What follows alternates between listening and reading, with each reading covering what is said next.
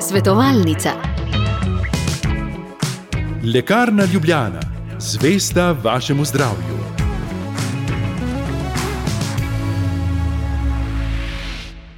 Ja, lepo zdrav v pravnih zagatah in eh, v našem studiu je odvetnica Mateja Maček. Lepo zdrav. Lepo zdrav tudi poslušalcem. Tudi danes bova govorila o tistih stvarih, ki nas zadevajo z področja prava, pa na nja, seveda, ker nismo strokovnjaki, ne znamo odgovoriti. Seveda, eh, gre za poljudno oddajo, ne spoštovane poslušalke in cenjeni poslušalci, kakšnih eh, zelo.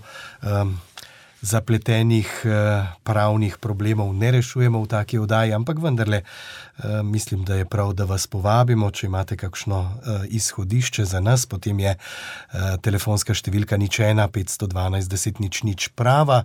Oddaja seveda nastaja v živo. Nekaj vprašanj smo pa dobili seveda tudi po pošti. Takole piše poslušalka z Štajerske. Pred mnogo leti sva z lastnikom pri odvetniku podpisala pogodbo, dogovor o zakupu zemljišča vse do moje smrti.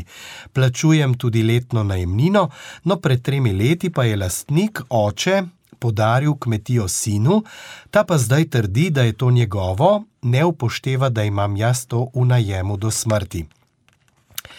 Sprašujem še, ali lahko jaz počistim drevje, katero se je zaraslo na travniku, na zemljišču, katero imam v najemu in me moti pri košnji in paši. Prosim še, koliko stran od eh, moje hiše in parcele lahko raste, rastejo njegova drevesa, da me ne bodo ogrožala, tako poslušalka uh, Štajerske.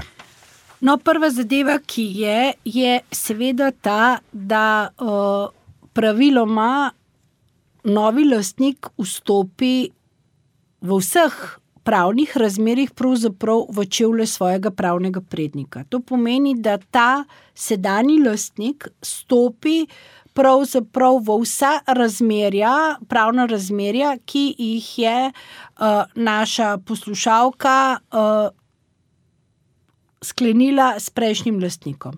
Tako da, seveda, ta najemna pogodba, če je bila dogovorjena za čas do njene smrti, velja. seveda velja. Zdaj, kar se tiče uh, tega odstranjevanja dreves. Ne? Zdaj, če so ta drevesa se zdaj zarasla, ne, ne vem, zakaj sploh ob redni košnji so tam zrastla. Ne? Ker to, tukaj si zdaj pač, eh, to ni pravno vprašanje, zdaj že bolj agronomsko. Ne? Uh, vsekakor, zdaj, če je ta površina bila travnik, ko se je vzela v najem. Se seveda ta drevesa lahko odstranijo. Če so pa ta drevesa bila že prej, je pa po, po moji oceni potreben dogovor ne, z lastnikom. Uh, kar se pa tiče dreves, ki, um, dreves, ki se nahajajo ob meji zemljišča, ki je v lasti naše poslušalke. Pa stvarno pravni zakonik zelo jasno v poglavju sosedskega prava določa, kako je zdaj s temi zadevami. Če drevesa segajo s svojimi vejami ali pa koreninami v zračni prostor zemljišča, parcele, ki je last naše poslušalke, ima seveda gospa pravico, da zahteva odstranitev teh vej, eh, in ukolikor lastnik tega ne stori, potem lahko to stori sama. Eh, ampak še enkrat poudarjam, da gre to za drevesa, ki so ki rastejo na parceli soseda in segajo v zračni prostor ali pa pač v zemljo na parceli, ki je last naše poslušalke. Uh, to vprašanje jaz razumem morda malce drugače, koliko stran od moje hiše in parcele lahko rastejo njegova drevesa, da me ne bodo ogrožala. Tukaj pa v bistvu stvarno pravni zakonik pravzaprav napotuje na to, kaj je v nekem okolju običajno, glede na rabo, oziroma osnovno rabo, osnovni namen posamezne nepremičnine. Tako da ni tukaj nekega pravila, toliko metrov stran lahko posadiš hruško, lahko posadiš eh, jabolko, lahko posadiš smreko. Vsekakor pa, ker tukaj je izpostavljeno, da me ne bodo drevesa ogrožala, pa je odgovornost lastnika, odgovornost lastnika, da uh, naredi vse, da prepreči škodo, ki bi izvirala iz njegove nepremičnine. To pa pomeni, da um, če bi drevesa, ta drevesa ogrožala, recimo, um, če gre za neka. Poškodovana drevesa, recimo, ne, ali pa stara, za smreke, stara, ali pa uh, za smreke je značilno, da nimajo prav globokih korenin. korenin mhm. Seveda, če je tudi to območje, kjer je veliko vetra, kjer je nevarnost, da bi se recimo zdaj to drevo podrlo na objekt uh, naše poslušalke, pa seveda ima uh, gospa vso pravico, da zahteva, da bo to odstranil. Če zdaj to ne bo odstranil, verjetno zaradi tega ne bo šla v sodni spor, da bo dokazovala to ogrožujočo nevarnost. Ampak, če bi pa prišlo do kakšne nesreče, je pa seveda lastnik odgovoren. Tako, tako da tukaj se moramo zavedati. Uh, Zelo pogosto ljudje pozabljajo na to, na svoji zemlji lahko se delam. Ja, lahko, vendar pa mora se vsak uh, lastnik sosedsko povezanih eh, nepremičnin uh, v bistvu izogniti oziroma opustiti vsaka ravnanja oziroma narediti vse, da iz njegove nepremičnine ne bi škoda povzročila se na drugi nepremičnini. Mhm. Ali bi po domače rekli, ne tisto, kar ne želiš, da bi kdo drugi tebi storil, ne delati drugim. Ne? Odlično. Eh, zdaj pa mislim, da imamo že tudi telefon in sicer je z nami poslušalka Ivana. Lepo zdrav. Eh, dobro jutro, dober dan. Želim objema. Eh, za gospod odvetnico imamo vprašanje kratko. Rabim sodnega izvedenca za neki izračun. Kje ga iskati, prosim? Uh, gospa, uh, morate povedati, katere stroke. A ja, veste kaj, dolžniške, gre za upnico. Ne, zdaj vi rabite sodnega izvedenca, da vam kaj izračuna zakonite zamudne obresti ali kaj? Uh, ne, ne, uh, da mi izračuna samo to, koliko je upnica dobila preveč denarja od mene.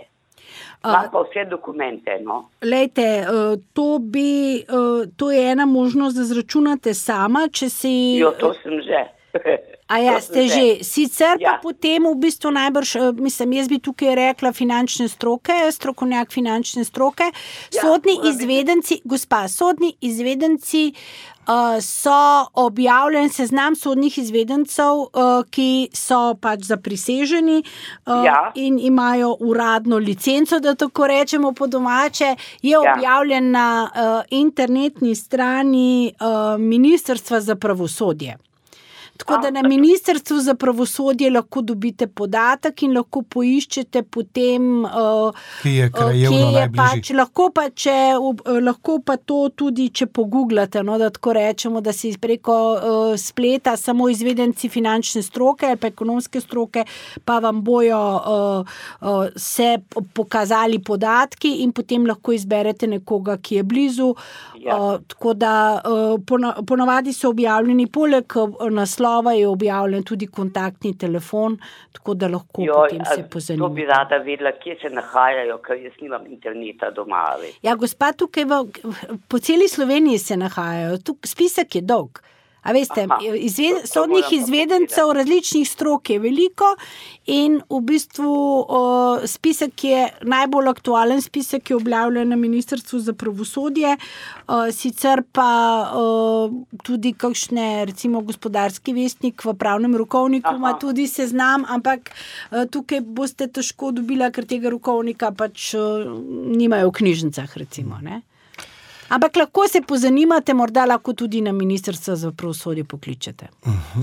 No, sicer pa je v družini gotovo kdo, ki se z internetom bolj ukvarja. Ali pa v kakšni knjižnici mogoče tudi pomagajo komu. Tako, tako. To je bil odgovor za poslušalko Ivano, zdaj pa spet v vprašanju, ki smo ga dobili po pošti. Vsak, ki je lansko leto umrl, je imel na eni zavarovalni polici upravičenca v primeru smrti napisanega mojega otroka, na drugi polici pa partnerko, s katero pa nista bila skupaj že več let, z njo tudi ni nič ustvaril, skratka, nista imela ne skupnega premoženja, niti nista živela na istem naslovu. Tako me zdaj zanima, kako lahko ter ali je sploh mogoče izpodbijati to polico. Eh, oziroma to, kar je na njej napisano. Ja, vsak zavarovanec ima možnost, da uh, na policah življenjskega zavarovanja ob sklepanju te uh, pač zavarovalne pogodbe zavarova, uh, navede, kdo je upravičenec v primeru smrti. In uh, tega ni mogoče izpodbijati, ker. Uh, To, koga navedeš kot upravičenca, ni direktno povezano z dedovanjem.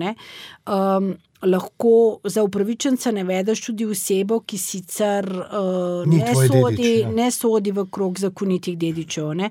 Uh, nekako razumem to vprašanje uh, poslušalke v, v smislu tega, da ko se je ta polica sklenila, oziroma da je njen svak takrat, ki je pač določil, da je upravičenka v primeru smrti njegova partnerka dejansko takrat živel s to osebo v zunaj zakonski skupnosti skupnosti, uh, ki pa je kasneje prenehala. Zdaj, zavarovalnec bi moral pravzaprav uh, sam spremeniti, ker upravičen se lahko spremeniš, tega ni naredil. Tako da mislim, da uh, zavarovalnica tukaj ne bo, ne bo, bo sledila pač uh, volji zapisani, ki jo je pač uh, sklenitelj zavarovanja določil.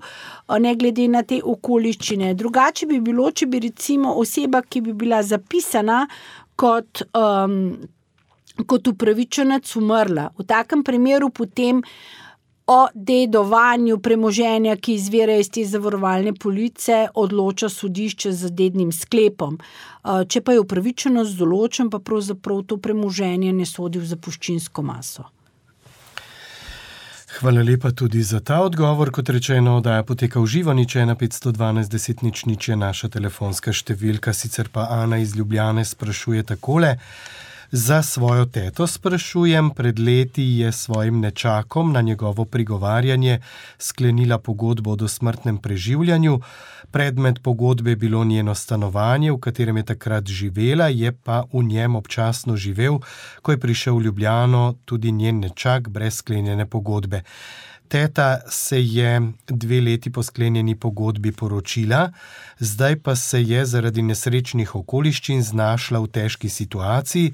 Trenutno je v razveznem postopku, v katerem se bo ločila s svojim možem, eh, pri katerem je živela v njegovi hiši in se bo v kratkem morala izseliti iz moževe hiše. Torej, ali se lahko naseli nazaj v svoje stanovanje, nečak pa je zdaj poskuša to preprečiti. V pogodbo o dosmrtnem preživljanju sta sicer izredno zapisala, da je ena od nečakovih obveznosti tudi plačevanje vseh stroškov, ki so povezani s tetinim stanovanjem in njegovo uporabo, tudi če ga teta sama uporablja. No, prva stvar, ki jo je potrebno poudariti, je pogodba o dosmrtnem preživljanju, pogodba dvostranska odplačna pogodba, v katerem pa je popolnoma jasno, da premoženje, ki je predmet pogodbe v dosmrtnem uh, preživljanju, ostaja last osebe do smrti. Torej, last osebe, ki si je izgovorila preživljanje, ostaja premoženje v lasti te osebe. Torej, teta je še danes lastnica stanovanja in ga seveda lahko uporablja. In tudi, če je nečaku dopuščala občasno bivanje v tem stanovanju, ne pomeni, da lahko nečak v času njenega življenja s tem stanovanjem prosto razpolaga v smislu tega, kdo bo v stanovanju bo in kdo ne bo v stanovanju. To je odločitev lastnika, ki pa je si izgovoril s pogodbo o dosmrtnem preživljanju, da vse stroške v zvezi z tem stanovanjem pa že more nositi preživljavec, torej tista oseba, ki je se zavezala, da bo zagotavljala preživljanje in uh, obveznosti so natančno določene v pogodbi. In, in bo po smrti dobila to stanovanje. Šele s trenutkom smrti. Ampak nikakor ne more ta nečak sedaj lahko pač nagaja, ampak to je tudi razlog, da teta gre v postopek za uh, razvezo te pogodbe, če on ne izpolnjuje obveznosti. Treba je vedeti, da obveznosti, če so jasno napisane, jih je dolžan izpolniti, in teta ima vso možnost, da se v tem stanovanju naseli nazaj. Ona bi lahko tudi v tem umestnem času stanovanje oddajala, če bi ga hotela, ker je to lastnica, ona je lastnica še vedno. In um, v pogodbi, kot je tukaj izredno napisano v tem pismu, ki smo ga dobili po elektronski pošti, piše, da je uh, ena od obvez bila to, da plačuje vse stroške tega stanovanja, tudi če teta v njem živi. Tako da absolutno ima uh, gospa kot lastnica in glede, ne glede na pogodbo o smrtnem preživljanju pravico, da se naseli v tem stanovanju in ima pravico zahtevati, da vse stroške, ki so povezani s tem stanovanjem, in njegovo uporabo, to so torej obratovalni stroški, elektrika, voda, rezervni sklad. Uh, Vzdrževanje uh, skupnih naprav, in podobno, kar recimo upravniki v bloku zaračunajo, vse to, vse te stroške je nečak teti dolžen plačevati. V primeru, da se pa to ne izvede, potem je seveda. Je pa to razlog, tudi... da najprej je treba terjati, in potem lahko tudi razlog za, uh, za prekinitev pogodbe. Za prekinitev odstop od pogodbe. Mhm. Dobro, torej je bilo torej za Ano iz Ljubljane. Oče, ki je vdovec, tako sprašuje pa Niko, želi že za časa življenja razdeliti svoje nepremično premoženje med svoje tri otroke.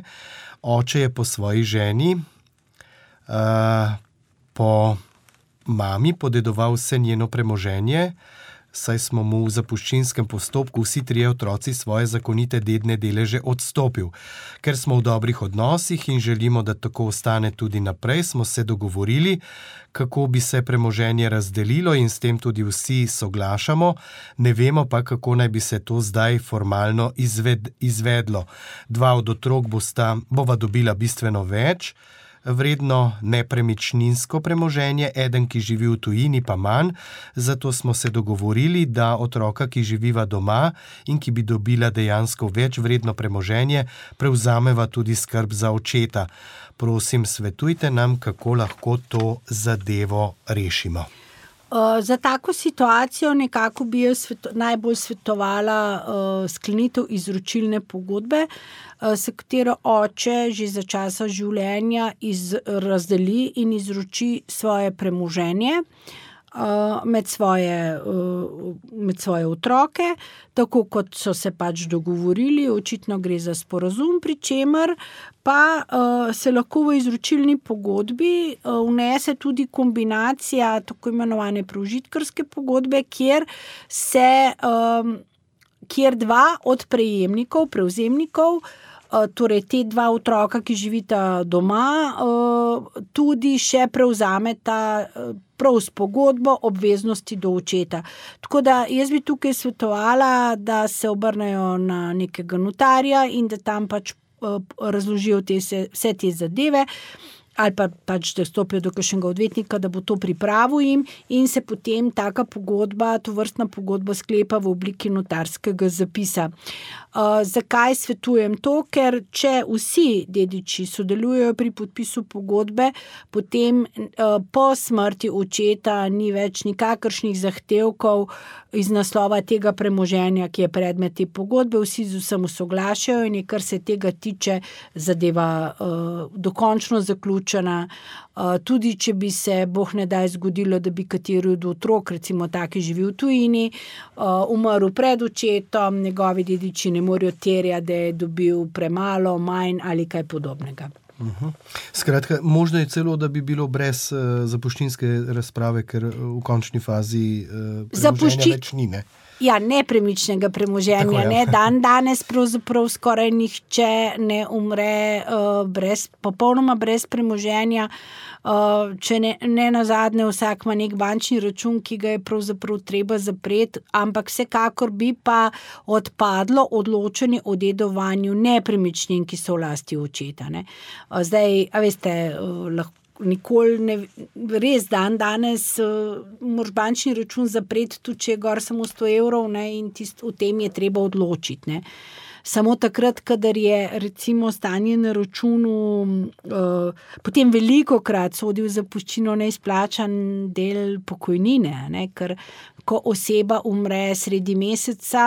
Uh, konc meseca ja. penzion ne bo prišel na njen račun, ker je Zavod za pokojninsko in invalidsko zavarovanje že obveščen, seznanjen s smrtjo zavarovanca, ampak hkrati pa to ne pomeni, da uh, ni pokojni bil upravičen do pokojnine za čas, ko je še živel ne, in je ponavadi potem sodi v zapuščinsko maso neizplačeni del pokojnine, prejemki pri spizu, tako da v tem je tudi treba odločiti o dedovanju. Ne. Tako da uh, na nek način, včasih je to sicer mogoče, če vsi dediči soglašajo tudi, da vsi podpišejo takoj na spizu in potem pač ni treba na to čakati, ampak vsekakor eh, to ne pomeni, da zapuščinske obravnave ne bo, ker če bo imel oče kakšno premoženje ob smrti, tudi če ne bo toliko vredno, kot so vredne nepremičnine, bo o dedovanju treba odločati.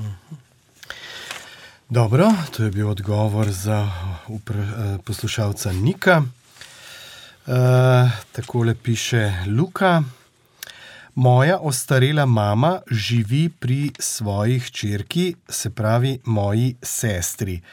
Priznati moram, da je za mamo res lepo poskrbljeno in da je ravno zaradi sestrine oskrbe mama kljub visoki starosti še vedno čila. Je lastnica počitniške hiše na slovenski obali, ki jo je pred skoraj 50 leti podedovala po svojem stricu, ki ni imel otrok. Zadnje 20 let jaz skrbim za ta vikend, ga obnavljam, zamenjal sem okna, streho, namestil toplotno črpalko za ogrevanje po, zivi, po zimi in za ogrevanje sanitarne vode. eh, Nabavil klimo in tako naprej, skrbim tudi za okolico. Mama pa je tudi lastnica velikega stanovanja preko 120 kvadratnih metrov z garažo v Ljubljani, v katerem je živela, dokler se ni preselila k sestri. Zdaj v tem stanovanju bivajo sestrini otroci, ki študirajo v Ljubljani. Zdaj pa vprašanje, ali je mogoče, da mama že zdaj razdeli svoje premoženje med nama sestro. Jaz bi bil zadovoljen, da dobim le vikend, čeprav je stanovanje v Ljubljani vredno bistveno več, saj ga je mama nekaj let nazaj tudi povsem obnovila s svojimi sredstvi. No, seveda pa so. Uh, Počitniške kapacitete na obali so tudi kar precej cenjene. Ne, No, zdaj mi dva ne bomo ocenjevala, nisva sodna izvedenca gradbene stoke, bi, ali pa cenilca, da bi ocenjevala, zdaj, kaj je več vredno. Lejte, eh, to vprašanje je pravzaprav zelo, zelo podobno tistemu prejšnjemu, ki nam ga je poslušalec Niko za, zastavil. Ne? Eh, Če je eh, lastnica nepremičnega premoženja. Uh, pripravljena skleniti uh, ali darilno pogodbo z enim ali drugim otrokom, ali izročilno pogodbo oba dva naenkrat, uh, je seveda to popolnoma v redu in je mogoče to urediti že za časa življenja. Zdaj, seveda, je odločitev na mami. Kaj bo mama naredila, je seveda eh, to. Prav pa je na nek način, da se to odkrije. Jaz bi svetovala, da te se pomeni, ker v končni fazi eh, vsa ta vlaganja, ki jih je eh, naš poslušalec izvršil v mamino nepremično premoženje, vendarle nekaj tudi so, da ne bo potem na koncu pa težava. eh, Ampak. V Dogovor, primeru ne? dogovora, ne, in tudi če drži vse to, kar je gospod napisal, je v vsakem primeru pride do situacije, ko uh, pride do situacije, ko bo lahko to dosegel, ker izkazuje lahko interes, tudi ob, uh, če bi dedovala vsak polovico, ne, lahko izkazuje interes, uh, interes uh, da se mu ob uh, delitvi solastnine to dodeli. Ampak, uh, če so odnosi lepi in očitno so, mislim, da je dogovorno to zadevo mogoče rešiti že sedaj. Uh, je pa včasih tako, ne, je pa včasih tako, da nekateri ljudje uh, ne želijo, da se prenos lastninske pravice opravi iz različnih razlogov, ali davčnih, ali nekateri, recimo, kadar gre, ki so še prejemniki ali otroških dodatkov, ali recimo premoženje, ki vpliva na uh, uh, plačevanje kakšnih stvari. Ne. Zdaj, sicer, če so otroci že uh, študente, potem to odpade, ampak odkrito se je treba pogovarjati o teh zadevah, in uh, mislim, da najbrž. To je zdaj čist nepravno, kar govorim, mislim, nima nobene zveze s pravom, ampak če ima uh, sestra otroke, ki živijo v Ljubljani, ima interes najbrž, da to stanovanje v Ljubljani dobi. Vse se bo moč dogovoriti, če bo dobra volja. Tako. Še za eno vprašanje imamo čas in sicer je to tone iz Logaca. Moja sestra je že več let ločena in sodbo je sodišče določilo, da je ona skrbnica treh otrok, ki so bili ob razvezi še vsi predšolski in da je oče dolžan plačevati preživnino. V začetku je preživnino, ki res ni majhna, saj je določena za vsakega otroka v višini 280 evrov redno plačeval, zdaj pa že več kot pol leta ne plačuje ničesar. Otroških dodatkov sestra ne prejema, ker se pri odmeri upošteva preživnina, ki pa je oče, kot rečeno, ne plačuje. Bivši mož eh, pa z otroki sploh nima rednih stikov, za rojstni dan jim kupuje draga darila, ki pa sploh niso nujno nujno potrebna za življenje, ali se ta darila vštevajo v preživnino in kako naj sestra uh, izterja uh, preživnino.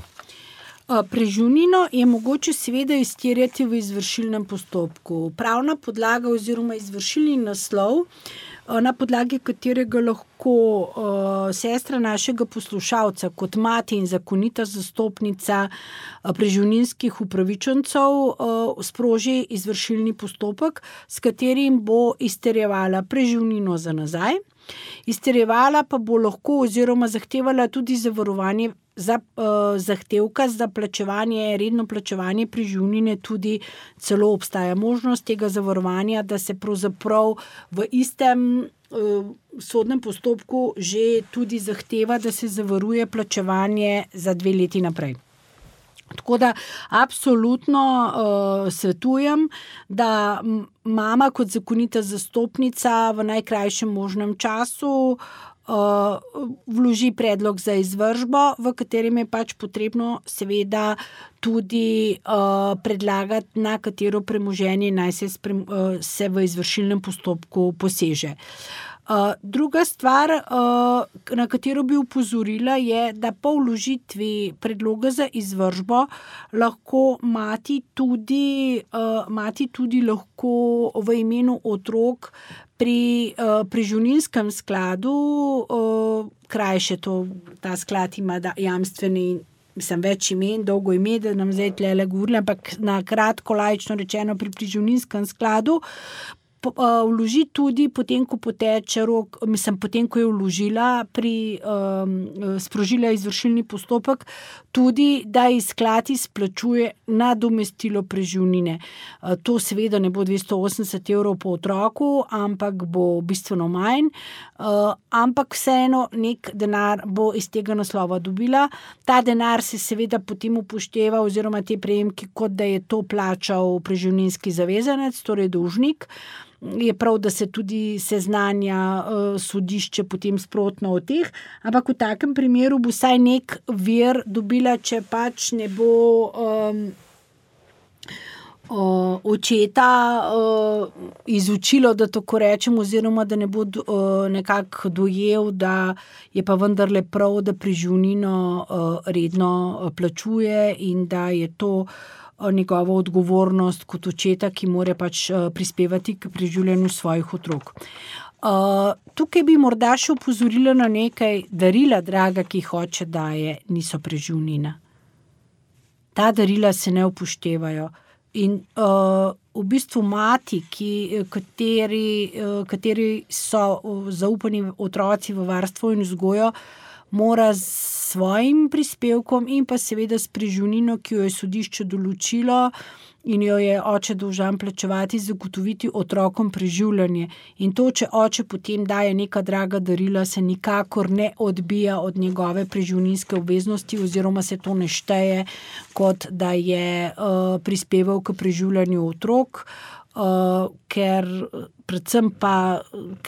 Taka samovolja ni dopustna v izvršilnem naslovu, torej v tej sodbi, s katero je sodišče odločilo tudi o, o višini preživnine, je jasno napisano, da se preživnine plačuje na roke matere.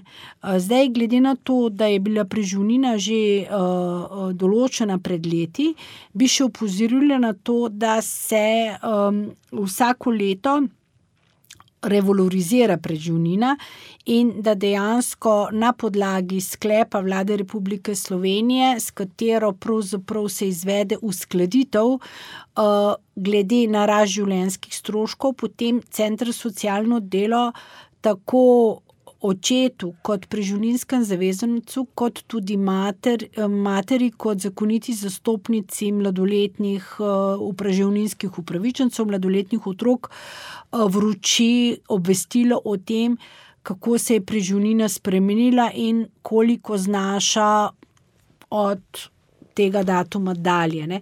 Tako da v bistvu uh, izvršilni naslov za sprožitev izvršilnega postopka uh, je uh, pravnomočna sodna odločba in tudi ta obvestila. Tako da je treba navesti, koliko je bila preživnina uh, določena, koliko znaša od takrat naprej, glede na obvestilo. Seveda ni potrebno, da se v predlogu za izvršbo navaja cela zgodovina, ampak za obdobje, ko je on nehal plačevati. Ne. Navede se, preživnina je bila določena tako, od vem, 1. marca lansko leto uh, je preživnina taka in taka, do takrat in takrat je redno plačeval, zdaj pa ne. In se potem navede pač eh, vse to, koliko dolguje za nazaj in koliko pač znaša preživnina za naprej, in se potem lahko pač predlaga izdajo takega eh, izvršilnega sklepa.